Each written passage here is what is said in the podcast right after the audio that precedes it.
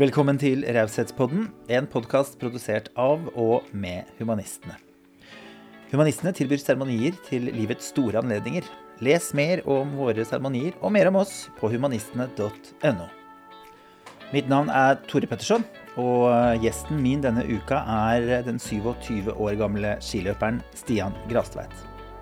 I 2018 gjorde han noe som ikke så mange mannlige toppidrettsutøvere har gjort før han, nemlig å komme ut som homofil. Et stort mediepress gjorde at Stian traff den velkjente veggen, og fra dette reiste han seg og har blitt den skiløperen vi ser i dag. Vi snakker om hvordan det er å komme tilbake, komme ut, og om å være så langt nede at man nesten ikke ser noen utvei. Og om livet før han valgte å fortelle verden hvem han egentlig er. God fornøyelse. Da er det fredag igjen, og jeg har eh, nok en gang en gjest i studio hos meg. Og denne gangen har jeg 27 år gamle Stian Grastveit. Um, bor i Oslo, er fra Egersund. Velkommen. Tusen takk. Veldig hyggelig å ha deg her. Du er jo en kombinasjon, og nå skal jeg eh, ta ordene mine forsiktig her, fordi det av ren respekt Du er først og fremst langrennsløper, foredragsholder, og så er du homofil. Det er helt riktig. jeg, jeg liker, du også liker den ja, best? Ja, men jeg tror jeg i løpet av de siste årene har variert litt mellom rekkefølgen på de. Så Ja, det har kanskje det. blitt mer riktig rekkefølge nå, sånn jeg ser det sjøl. Ja. Var litt mye homo i forhold til langrennsløper en periode. ja, nei, for du har uttalt det på et tidspunkt at jeg håper jeg blir mer kjent som lang langrennsløper enn som homofil. Det er nå. Ja, Ja. det er nå. Og jeg tror på et eh, tidspunkt tidligere i karrieren så syns jeg det var nesten eh, greit å bli omtalt som den homofile skiløperen. Mm. Litt forbi det nå, kanskje. Ja, ikke sant. Ja. Forandra litt. Forandra litt. Det er lov å forandre seg. Du eh, har eh, akkurat gått NM. Helt riktig. Gratulerer. Tusen takk. Det gikk ganske bra òg. Det var karrierebeste. Ja, så Aldri fint. vært bedre enn nå, så det var skikkelig gøy. For vi eh, Jeg skrev noen meldinger med deg. Um, og eh, at du skulle komme hit og sånn. Um, og så husker jeg du sa den gangen kom du på 42.-plass, og var redd for at folk skulle tro at det var dårlig. Ja. Men så var det jo 186 mail og sånn. Stemmer det. så da er det plutselig en helt annen eh, Da ser man det i en helt annen perspektiv, da. Ja, jeg tror når man driver med langrenn i Norge, så har man valgt litt feil idrett hvis man ønsker sånn enkle, gode resultater. Mm. Så i helga i NM så ble det en 17.-plass. Det er det beste som det er verdt til nå, så det var, det var kjempebra. Mm. Det var kjempebra, var det jeg mente å si. Hvor mye trener du i løpet av en uke? Eh, I løpet av uka varierer det ganske mye, men i løpet av et år så er det ca. 750-800 timer. Ja. Så det blir vel i snitt gode to timer til dagen. Så Og i tillegg så studerer du? Ja. Ja. Jeg går ca. 70 eh, økonomistudier. Så jeg bruker tre år på masteren istedenfor to. Ja, ikke sant. Det følte jeg måtte til. Det syns jeg er helt, uh, helt Ja. innafor. Um, du um, På nettsidene sine så står det 'idrettenskap brenner'. Mm. Mm. Hva legger du med det? Nei, det er kanskje sånn jeg følte når jeg sto fram. Mm. Eh, jeg hadde jo på en måte ikke sett for meg at jeg sjøl skulle stå fram noensinne, men når jeg først gjorde det, så var jeg litt opptatt av eh, Jeg så på det som at det var veldig mange som sto fram, og så sa de på en måte seg fornøyd med at de hadde kommet ut, og så lukka de på en måte skapdøra pent bak seg og sa på en måte ikke fra til de som kom bak. Sånn at jeg føler at alle homofile sitter fremdeles i samme skap og lurer liksom på hvordan gikk det med han som gikk ut nå, liksom. Mm. Så tenkte jeg sånn, ok, men kanskje jeg skal være en som prøver i hvert fall å si fra til noen inni der at liksom, nå har jeg gjort det, og det gikk overraskende bra. Så var det kanskje sånn jeg begynte med det. Og så hadde jeg holdt litt foredrag om psykisk helse før, og hatt noen greie utfordringer der. Så, så fant jeg ut det var naturlig på en måte å begynne å prate litt om det òg. Og så er det i senere tid blitt slått sammen til ett foredrag, siden det er jo på en måte ei totalpakke, hele greia. Ja, det Det, den psykiske helsen tror jeg har ganske mye å si for sånn. Men holdt du foredrag om det før du kom ut av skapet? Jeg gjorde det. Ja, gjorde og det. da reiste jeg rundt og snakka om viktigheten av å være åpen om Ja, hvem du var, og være åpen med alle rundt deg om utfordringene du opplevde. Så ja. Det foredraget holdt jeg to uker før jeg eh, Før jeg kom ut. Eh, det var siste gang da, før jeg kom ut. Og da var det en i salen som spurte når jeg var ferdig, var sånn Jeg føler det mangler ei brikke her. Altså, det er et eller annet du ikke sier. Jeg klarer bare ikke å sette fingeren på det. Og tenkte sånn Wow, ok. Wow. Eh, Mm. nå er det kanskje på tide. som ser Ja, liksom. Og da hadde jeg en kjæreste som var gutt for første gang. ja. ja, de hadde det òg. Så da begynte det å nærme seg, og da skjønte jeg sjøl at det her var Ja, Jeg snakka jo, jo ikke om den type tematikk da, men jeg snakka jo fremdeles om psykisk helse og viktigheten av å være åpen om Mm. alle utfordringer man hadde, da. Og det var jeg ikke sjøl. Så jeg føler jo kanskje at nå står jeg i større grad inne for det jeg sier, enn det jeg gjorde før, da. Mm. Ja. Men det er jo en del av en reise, det også. Absolutt. Du hadde jo um, Du var 23 år når du kom ut av 2018, ja. Stemmer ikke det? Jo, 23. Mm. Eh, og det er noe med Du gikk ikke stille i døra. Nei, det Kan du ta litt uh, av den historien? Ja, jeg eh, hadde egentlig bestemt meg for at eh, Først så skulle jo ingen vite det, og så fikk jeg etter hvert en eh, Nei, for det var, det var den, de første tankene dine. Ja, Du hadde jo hatt en kamp i du, du har sagt tidligere, sånn 10-12 år. Tipper jeg innså det liksom når du var tidlig i tenårene, eller Mm. noe sånt, at det var gutter du likte. Mm. Um, og da var jeg veldig bestemt på at jeg skulle leve sånn mer inne i Ja, så lenge jeg levde.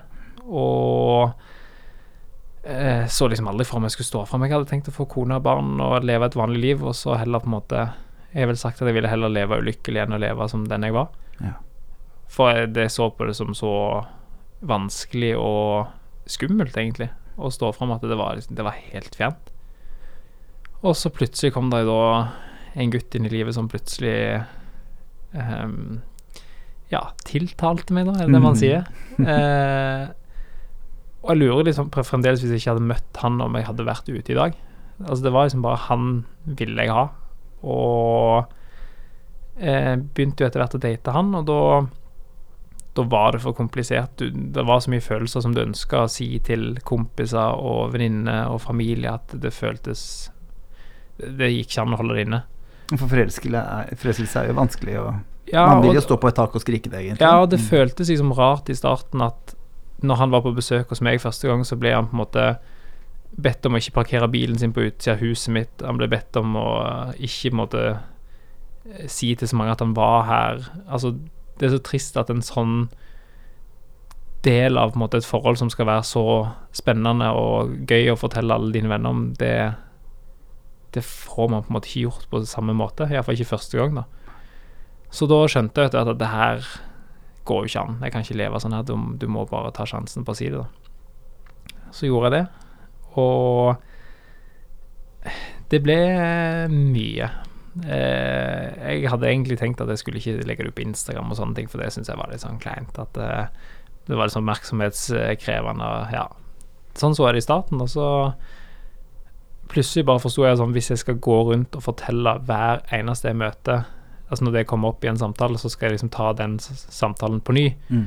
Så ble det veldig krevende. Altså jeg syns det, var- det var krevende å fortelle historien, så jeg tenkte at ok, da må jeg kanskje bare legge ut noe på Instagram, eller bli ferdig med det, så vet alle det, og så ikke det er noe å diskutere lenger.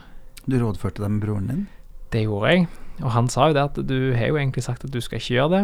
Så sa jeg nei, men jeg orker ikke gå rundt og snakke om igjen om igjen om igjen om dette, så jeg må bare bli ferdig. Mm. Og jeg tror hele den her Altså, i forkant av dette så hadde på en måte hele den situasjonen med han som er data blitt så komplisert på grunn av, tror jeg, den her prosessen. Altså Var han ute av skapet? Ja. Ja. Og det å være sammen med en som er veldig langt inne i skapet og har en veldig lang prosess for å komme ut, tror jeg var veldig vanskelig. Mm.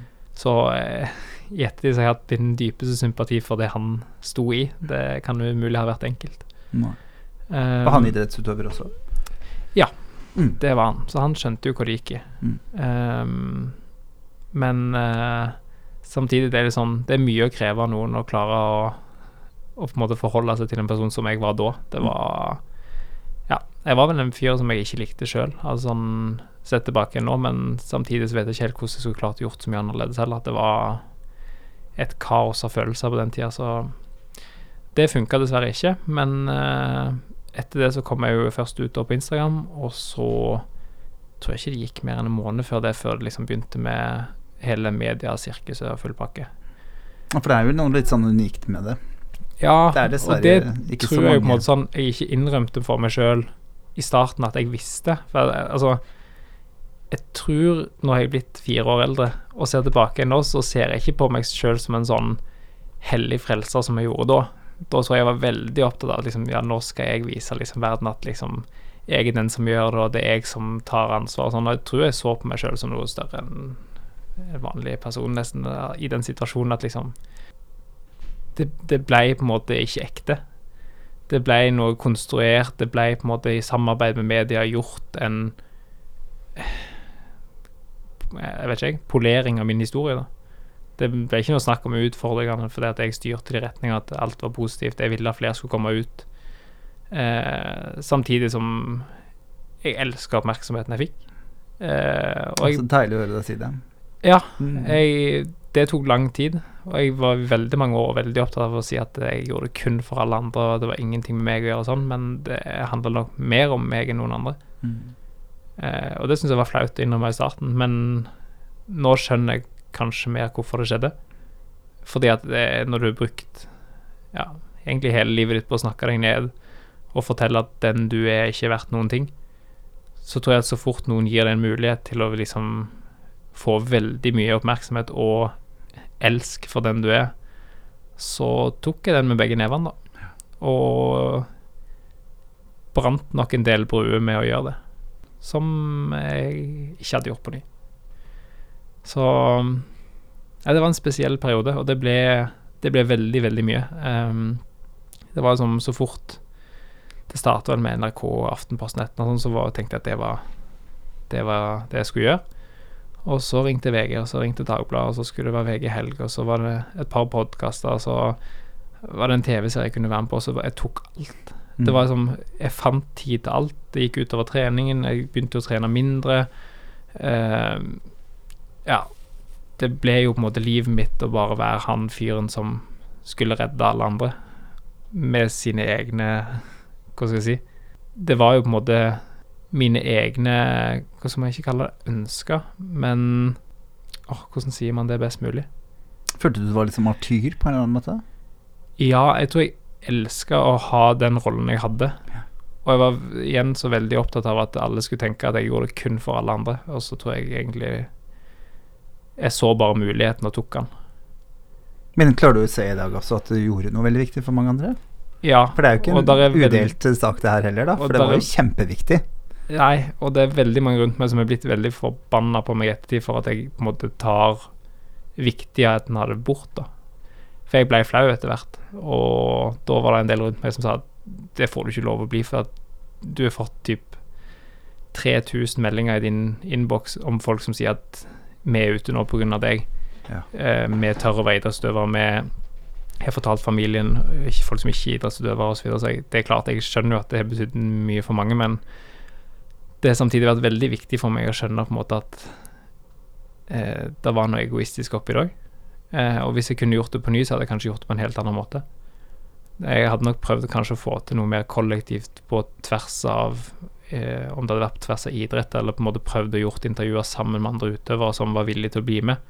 For det hadde vært mye enklere for meg, det hadde vært mye mer slagkraftig.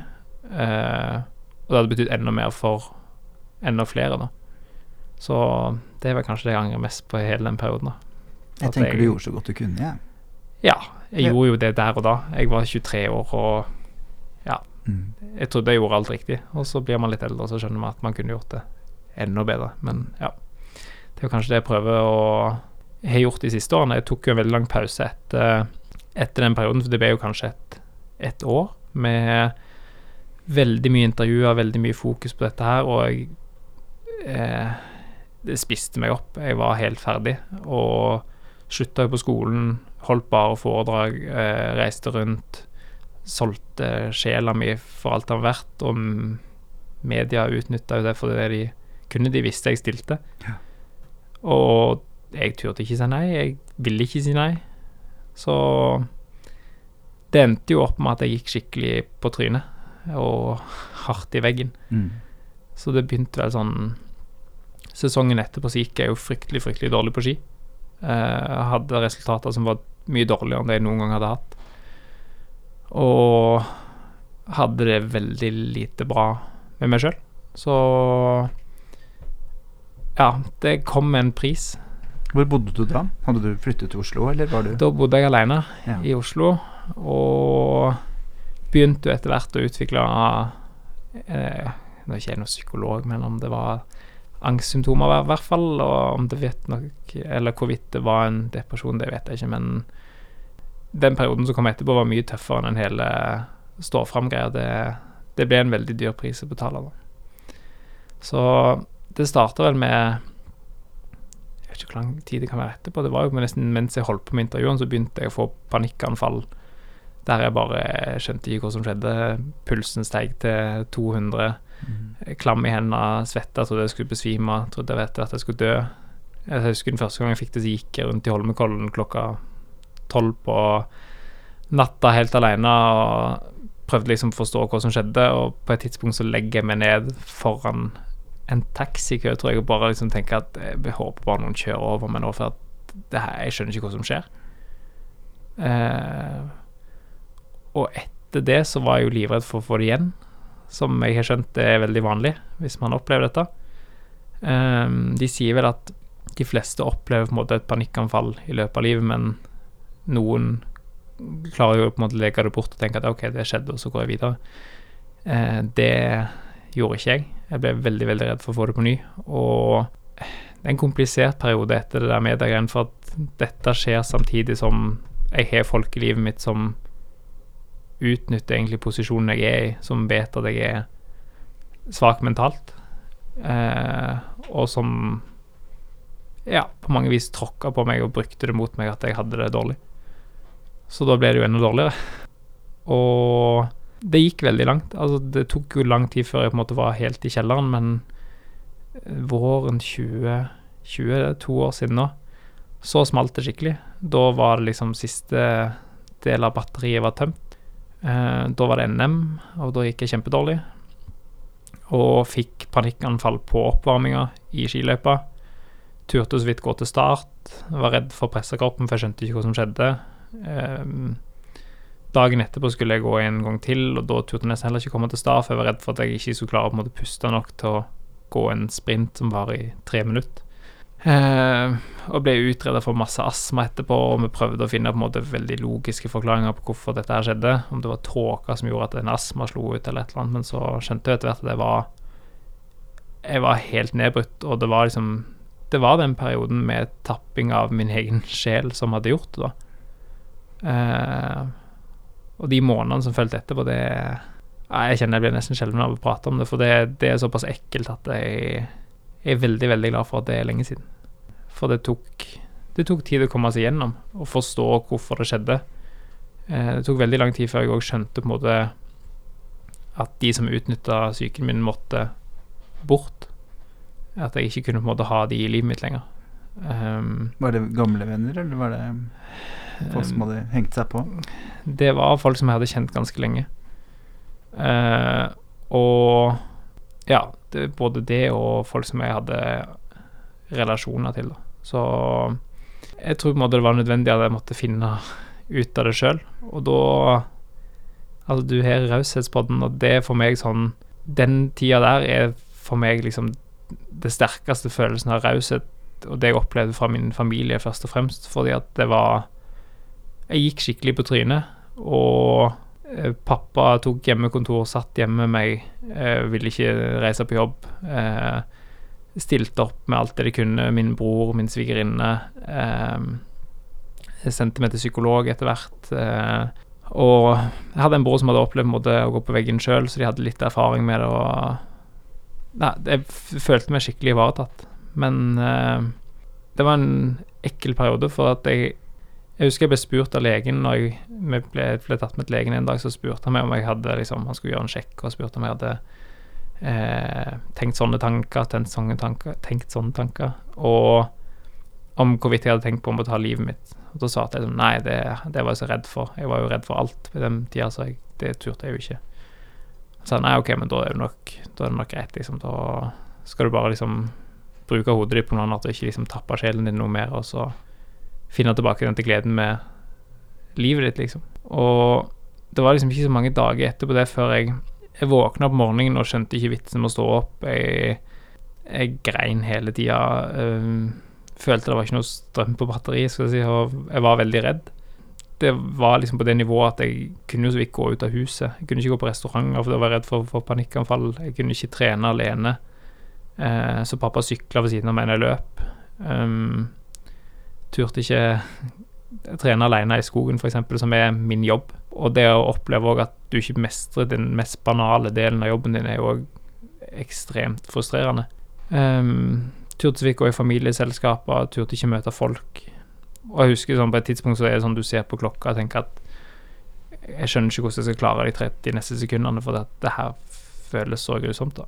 Så det pågikk liksom noen uker kanskje før jeg kom ned til min far en morgen da han hadde hjemmekontor og sa liksom at det, de tankene jeg sa til legen at jeg på en måte aldri hadde hatt, det er jeg ikke så redd for lenger. Altså, nå føler jeg på en måte at jeg, jeg er redd for hva jeg sjøl kan finne på. Jeg er redd for at jeg kan gjøre dumme valg, og dere må liksom ikke ikke gå ifra meg. Og Sterkt av deg å klare å si ja, da.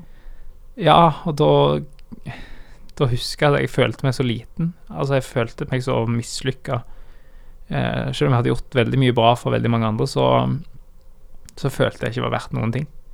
Så jeg husker jeg sa til pappa at sånn Det er ingen som hadde brydd seg om jeg ikke var her. Eh, jeg kan ikke skjønne hvem som skulle på en måte ha via det en tanke. For jeg er bare til bry for alle andre. Eh, og da husker jeg han begynte å grine og sa at jeg hadde brydd meg, og mamma hadde brydd seg. Um, og du har veldig mange folk rundt deg som hadde blitt veldig, veldig lei seg. Mm.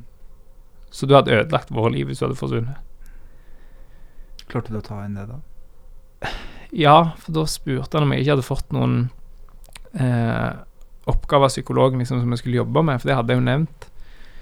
Så jeg, jo, jeg hadde jo fått noen oppgaver, jeg skulle skrive ned noen ting som hadde betydd mye for meg, og som jeg skulle jobbe med. da, Så sa han at da setter du deg ned og så gjør du det. Så sitter jeg og jobber her, og så gjør du det. Og så satte vi ned, så skulle jeg bare skrive opp ting som gjorde at jeg ikke kunne ta det dumme valget og måtte ta mitt eget liv. Og da skrev jeg på en mamma og pappa, min bror, svigerinne, familie, altså familien og vennene.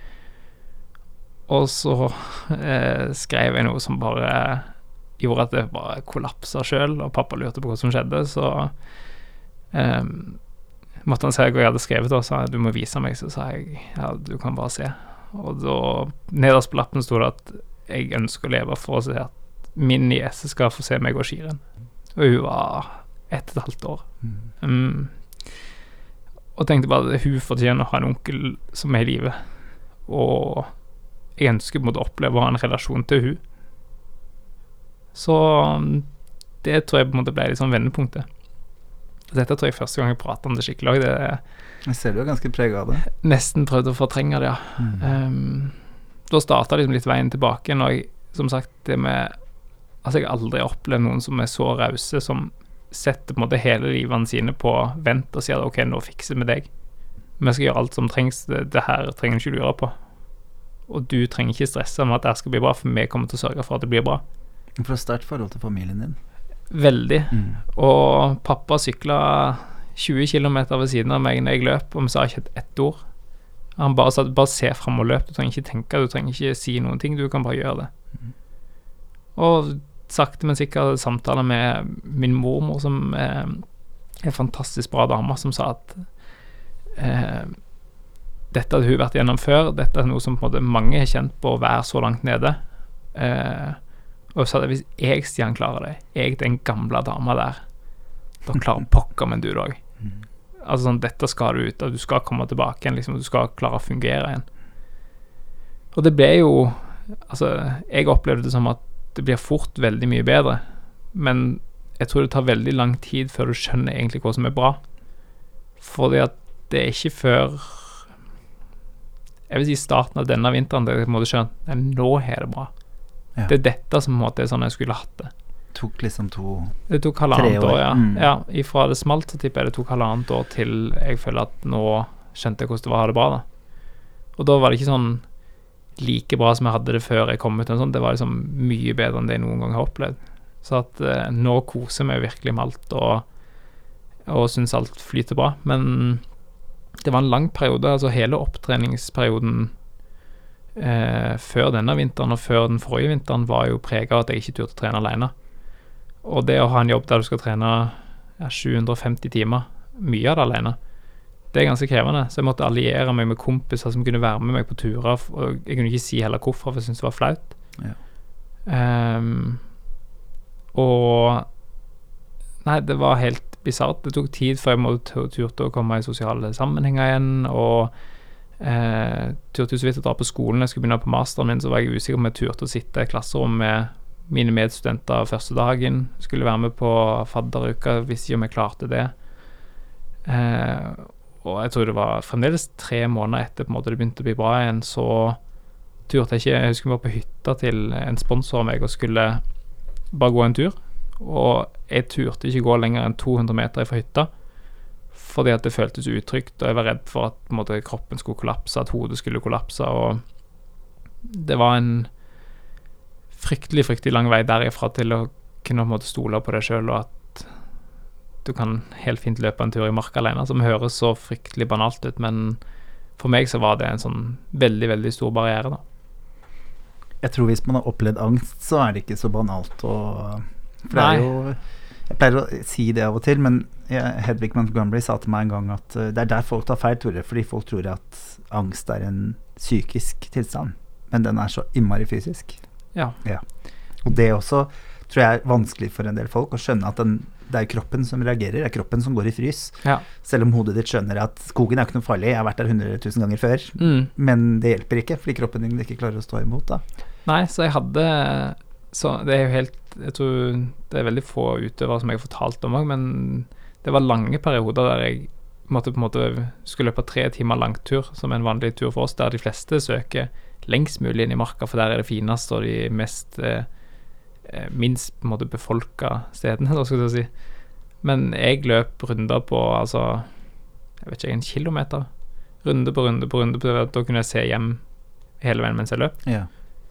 Og jeg, jeg, det er kanskje det noe av det jeg er mest stolt i mitt eget liv, tror jeg. At jeg på en måte klarte å komme meg ifra helt, helt, helt på bånn til å klare å bare fungere igjen.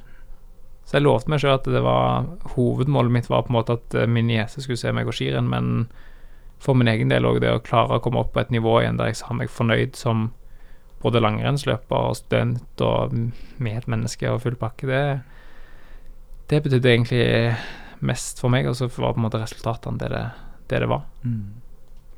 Jeg spurte deg for en stund siden om å bli med i denne poden. Um, og da sa du akkurat nå er det eh, veldig mye som skjer, så jeg velger å si nei denne gangen. Og da kjente jeg så på at jeg blei så stolt av deg. For det å sette grenser er så viktig, da. Og jeg visste jo på den, den gangen ikke noen ting om, om dette du forteller om nå. Um, men jeg tenker liksom det der å ta seg selv på alvor Ja. er bare så sinnssykt viktig, liksom. Jeg tenker hvis noen sitter og hører på som syns det er vanskelig å be om den hjelpa, f.eks. Ja. Har du noen Nå fikk du jo et veldig godt tips, det var et veldig godt tips av psykologen din, syns jeg. Det der med å skrive ting ned Ja. er, har en utrolig styrke i seg. Det har jeg merket selv òg. ja. Jeg føler jo kanskje det jeg har lært mest av det, er jo på en måte hvor mye du kan En ting er liksom hvor mye du kan stole på de nærmeste, både familie og venner og sånne ting, men kanskje det er viktigheten av sånn Det er ikke egentlig et råd til de som sliter, men sånn Jeg ser hvor enormt viktig det er å ha de folkene rundt seg som du kan stole på. Og der har jo jeg vært kjempeheldig. Altså sånn, Jeg har en familie som er vanvittig raus, og som virkelig stiller opp. Og da går det ikke liksom på Det går på en måte på indirekte kjærlighet og sånn, men altså Det går mest på tid. Det jeg har oppdaga de siste årene, sånn, det er tiden de på en måte setter av til deg, som er for meg noe av det absolutt rauseste. Og det å ha folk i sin nære omgangskrets som faktisk setter tid til deg, det har på en måte verdsatt noe helt vanvittig.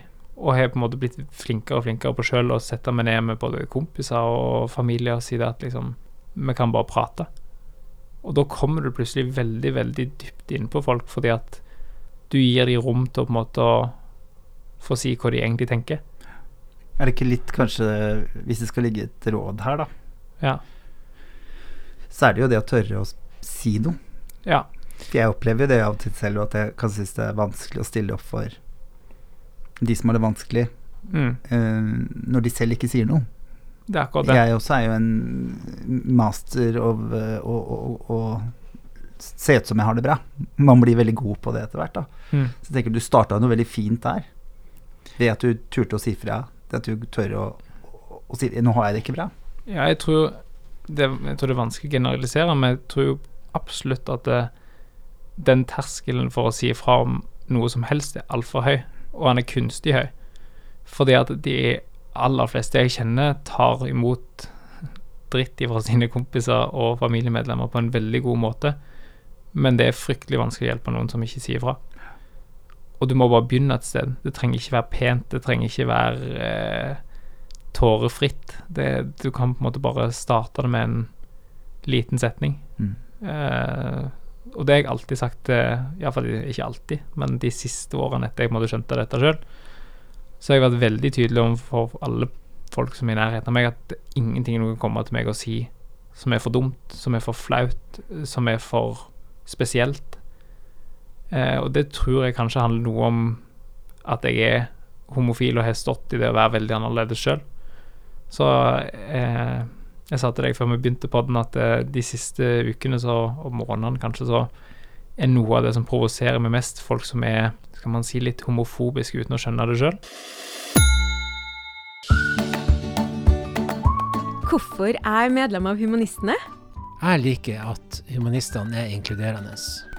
Jeg liker at jeg er med på å stoppe polarisering. De jobber mot urettferdighet. Jeg liker at de er opptatt av miljøet. Jeg liker at de arbeider for menneskeverd, likeverd og for menneskers rettigheter. Bli med i Humanistene du også! Det gjør du enkelt på humanistene.no. Humanistene et rausere samfunn.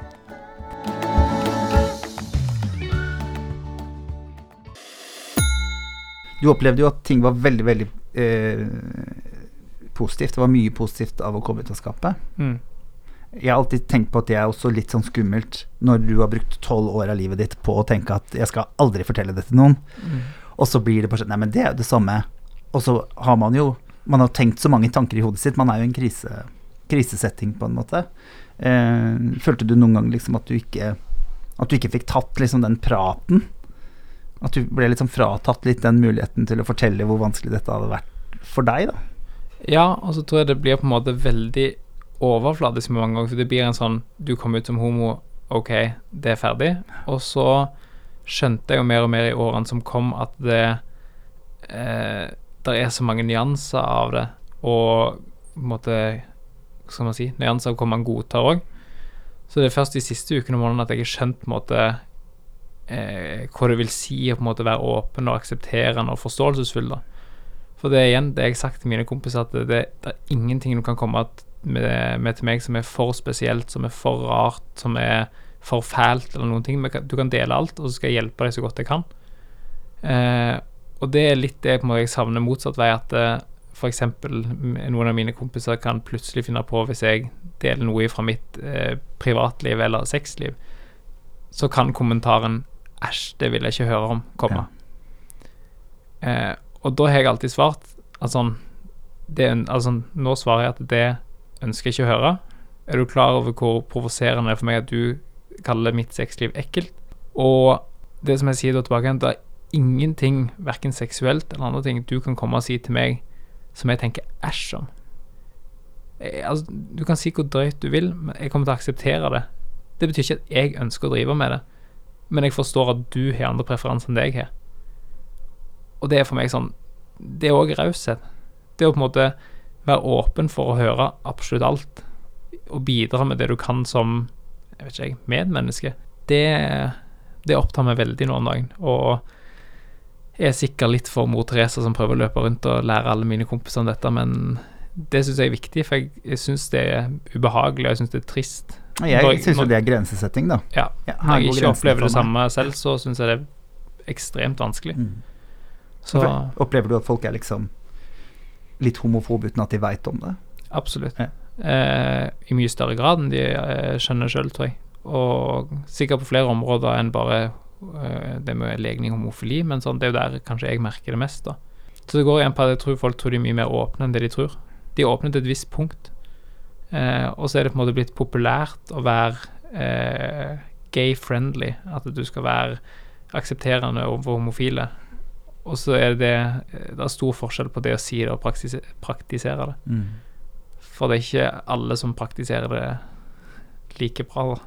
Nei, jeg opplever jo fortsatt denne at folk kaster en boa over huet på meg og sier 'den kan du ha på deg fordi du er homo', på en måte. Jeg har Ja. jo aldri brukt en boa i hele mitt liv. Nei. Så det er jo det er sånne småting som Ja. man Ja.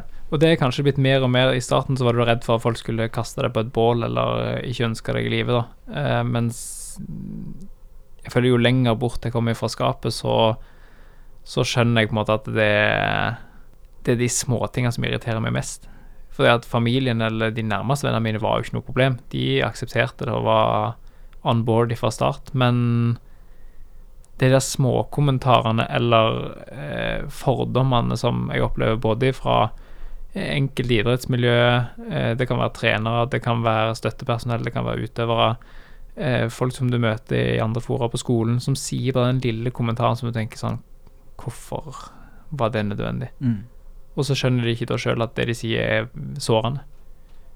Og jeg tror det skal lite til når du har gått og kjent på egentlig hele livet at du er en feil, og at du burde ikke vært skapt sånn, og du lurer på hva som er galt med deg. Da For det sitter jo igjen i kroppen, da. Det er jo litt det samme som angst, på en måte. Det der følelsen av å Alle jentene kan gå inn på det andre rommet, Stian, skal ikke du være med? Jo. Jeg får jo den ofte, liksom. Ja. Sånn, er ikke du feil nå, Tore? Når jeg sitter igjen med gutta. Ja. Så det er veldig sånn rar ting for meg. For jeg Ja. definerer meg jo som mann. Ja, det er akkurat det. Mm. Eh, og jeg hørte jo mange ganger når jeg kom ut at eh, Ja, men det er så lett å akseptere deg, Stian, for du er ikke sånn som de andre homofile. Du er, måte, du er jo litt mer nærmere liksom, en vanlig mann. Og da tenkte jeg sånn Skjønner du ikke at det du sier nå er fryktelig, fryktelig sårende for meg? Eh, men i starten så svarte jeg jo at jeg, jo, jo, det var jo bra, det. Jeg var jo ikke sånn som mange av de man så på TV. Jeg var jo kanskje litt mer vanlig. Ja, for når man er ung, så jobber man jo litt for det. At man, Ja. Jeg også kjent på det. At jeg, skal ikke være sånn som Absolutt. stereotypen der, liksom. Og så skjønte jeg etter hvert at jeg trenger ikke være noen av delene. Altså Du trenger ikke være i en av de boksene, du kan være deg sjøl. Og jeg tror på en måte når jeg har skjønt det sjøl, så er det, det er blitt noen veldig veldig fine samtaler med folk rundt meg òg, som kanskje òg har åpna sin horisont litt over at uh, selv om man sier eh, Hva skal jeg si Selv om man sier noe positivt rundt homofile, så betyr ikke det at man er homofil sjøl. Det var som jeg hadde en samtale med en av mine bedre kompiser som sa det at uh, vi diskuterte pene damer. Uh, så sa jeg det at sånn, ja, jeg var jo enig i at hun var pen, da. Så sa jeg, men hvis jeg hadde spurt deg om en mann, da, hva hadde du svart hvis jeg sa er han kjekk? Så svarte han at det, det, det kunne ikke han bedømme. Så sa jeg det syns jeg jo er veldig merkelig, for at klarer du å si om den blomsten er fin eller ikke? Ja, ja, den var jo fin. Så jeg sa jeg klarer du å bedømme om en tegning er fin eller et maleri er fint? Ja, det var ikke noe problem. Så sa så hva er da forskjellen? Mm. Det betyr ikke at du er forelska i den Nei, blomsten. sa, jeg, jeg, kunne- ikke skjønne hva som var pent på en mann. Så sa jeg sånn Ok, men det er sånn, sånne ting som symmetri Du klarer å se om det er et pent hår. Altså sånn Er han trent? Altså er han ikke trent? Sånn. Det klarer du jo å bedømme. Jo, så måtte jeg kanskje innrømme det, at han, han var jo litt redd for da at eh, hvis han sa noe om en mann, så var han kanskje homofil, da. Eller at du skal misforstå det. Ja, og det syns jeg er trist. Det er veldig trist. Og det handler jo om en usikkerhet, tenker jeg, Ja. hos de også. Ja, det er sånn som jeg Det er kanskje sånn Sammen med det som jeg sa stad, med åpenheten om hva man kan si til hverandre, så er det sånn som jeg syns er De kampene tar jeg nesten hver gang nå, for jeg orker ikke. Eh, at det skal være sånn at eh, menn skal være så redd for eh, å snakke på en måte om sånn type tema fordi de er redd for å bli stempla som homofile. Da tenker jeg at da har vi en vei å gå. Det er jo litt kjipt at folk fremdeles er redd for å bli stempla som homofile, tenker jeg. Ja, at det er jo og det er, og det er jo der jeg tenker at vi ser på en måte hvor langt homokampen har kommet, da, hvis man skal Mm. Hvis man skal se på hvorfor man har en parade, f.eks., så kan man kanskje gå til det. At det finnes fortsatt heterofile menn som er redd for å bli kalt det, og da og da forteller jo det ganske mye sjøl. Ja. Om at uh, Bare spør deg sjøl. Har du likt om folk ringte, gikk rundt og trodde du var homo? Nei, nettopp. Da har vi fortsatt en kamp å gjøre. Absolutt. Mm. For det er ikke noe å skamme seg over. Nei, det er jo ikke det. Og det er en vanvittig frihet å få lov å finne seg selv. Jeg har snakket med flere også som har sagt liksom at det er så Som har liksom sagt at de skulle ønske at de hadde noe å komme ut med. Mm. Ikke sant? Noe med å kunne? Jeg, På en eller annen måte Man går jo mange veier, som du forteller om nå, da. Men at uh, jeg hadde jo på en måte I hvert fall startgropa mi var jo den dagen jeg turte å være meg selv, i hvert fall, hvert fall på det. Og så Mm. har det jo vært en vei å klare å bli den jeg er i dag, da. Men, um, men for andre så har de kanskje ikke hatt den derre store Her starter vi. Nei. Nå har jeg fått renska unna den verste, den verste frykten eller skammen jeg hadde da. Nei. Mm. Vil du definere ordet raus for meg? Det er jo et veldig stort ord, da. Men eh, for meg så er det sånn det å være raus er på en måte å eh, Det finnes ikke grenser. Altså du på en måte står opp for den personen som står nær deg, eller familien, på en måte uansett hva. Og det er jo kanskje det vi snakker om i stad, at sånn, når jeg opplever at folk som tror de er rause, setter begrensninger på rausheten, så er du ikke raus for meg lenger. Nei. Så for meg er det en sånn Når jeg prøver på en måte å være raus sjøl, så er det på en måte Du skal fange alt. Du skal klare på en måte å ta inn alt, selv om det ikke er enkelt. da Sette av tid til å lytte og forstå hva andre folk går gjennom.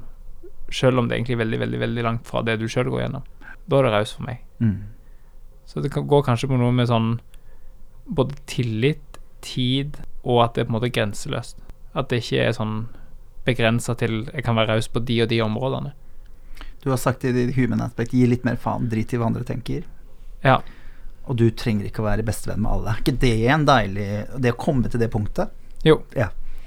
Det tok jo lang tid før jeg skjønte, og det jeg Jeg vet ikke om det henger sammen med at jeg da var homofil, nei, altså sånn homofil og litt yngre, at jeg var veldig opptatt av at jeg måtte please alle, og alle måtte helst like meg og sånn og sånn, men det er fryktelig deilig å komme til det punktet der du tenker at Det er som å komme ut av fengsel, syns jeg. ja, litt sånn du fortjener ikke å være i mitt liv. Mm.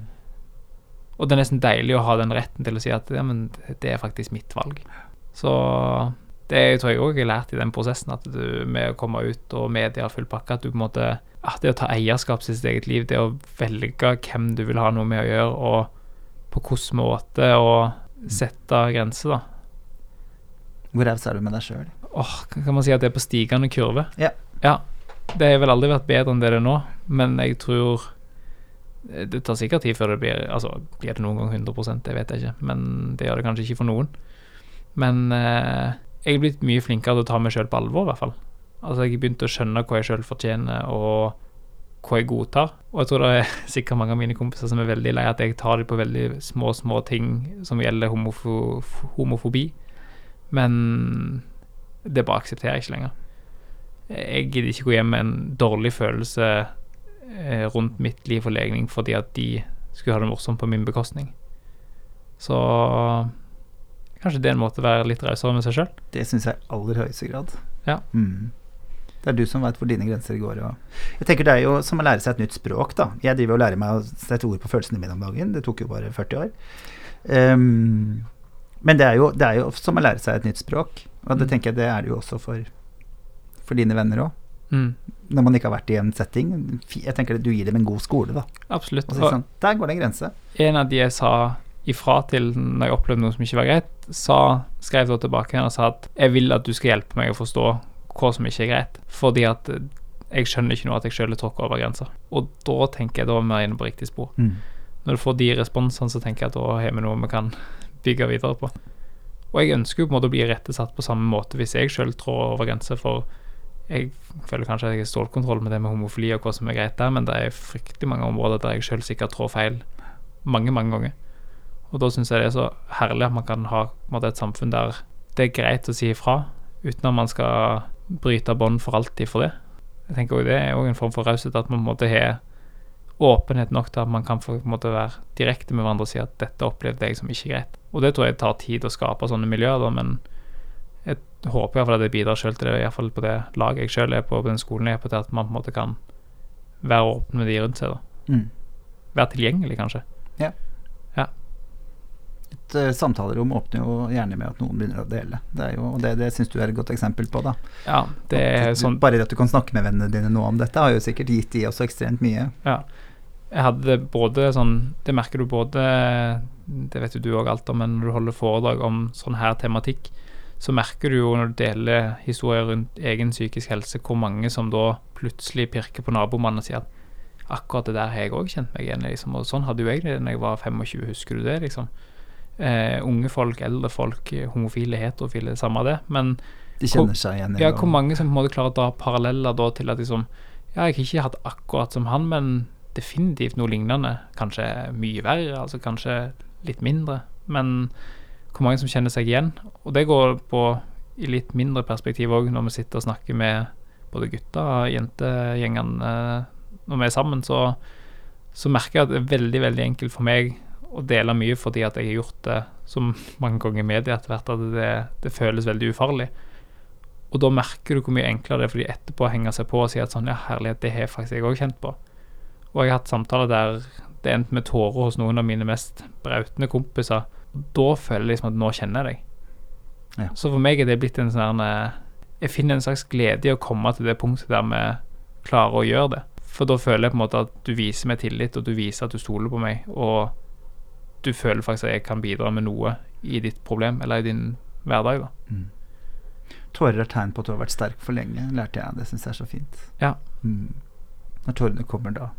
da. Det er da man slipper maska, på en måte. Ja, og man gjør det sikkert alle litt for lite, Mm. tenker jeg. Vi skal trekke en lapp. Jeg har jo den rosa skåla mi. Ja. Der står det litt uh, ord som humanistene jobber etter, og setninger som står i vårt uh, ja, Hvis det går an å si de 15 bud, Mm. uh, uten at det skal høres for religiøst ut. Så du kan få lov å trekke en av de. Ja. Så vil jeg bare at du skal si det første som faller ned i hodet ditt. Mot, ja. Ja, ja det syns jeg passa fint. Ja, det skulle akkurat si at jeg var glad jeg trakk den. Eh, ah, mot er for meg altså sånn Da går jeg rett på skapet. Altså, sånn, jeg syns det er sinnssykt tøft eh, hvis jeg ser bort ifra meg sjøl og snakker om andre, så det at folk tør å gjøre det, og tør å åpne opp om noe som er så skambelagt og vanskelig ja, det, det jeg Da får jeg nesten gåsehud ennå. Jeg er sånn som kan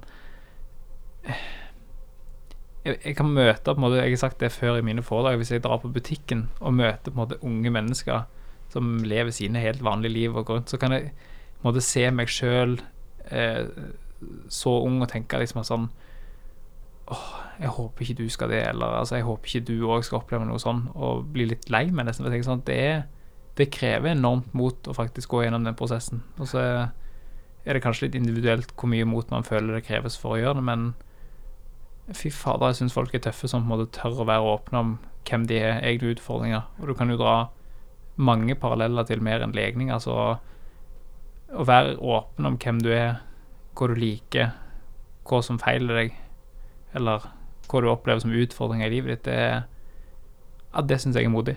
Og jeg syns det er fryktelig mye mer modig enn å være en tøff fyr som skal være kul foran alle gutta sine. Det syns jeg er noe av det mest, minst modige, kanskje. Følge flokken. Ja. Derfor er jeg også veldig glad for at du er en fremragende og fantastisk foredragsholder. Um, det har jeg fått lov å oppleve. Og jeg tenker at det er der det starter. At noen tør å åpne opp og fortelle om sin historie. Det er ikke så mange som kan fortelle din historie. Nei.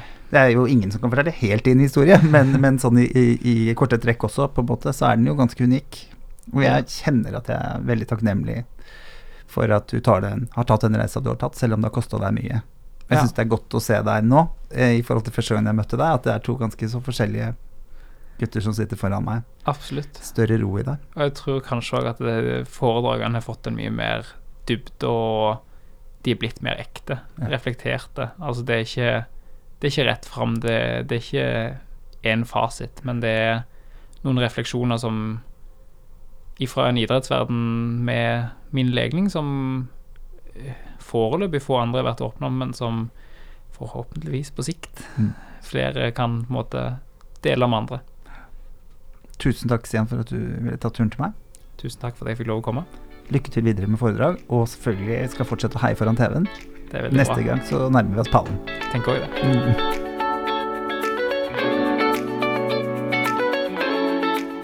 Du har hørt på Raushetspodden, en podkast produsert av og med Humanistene.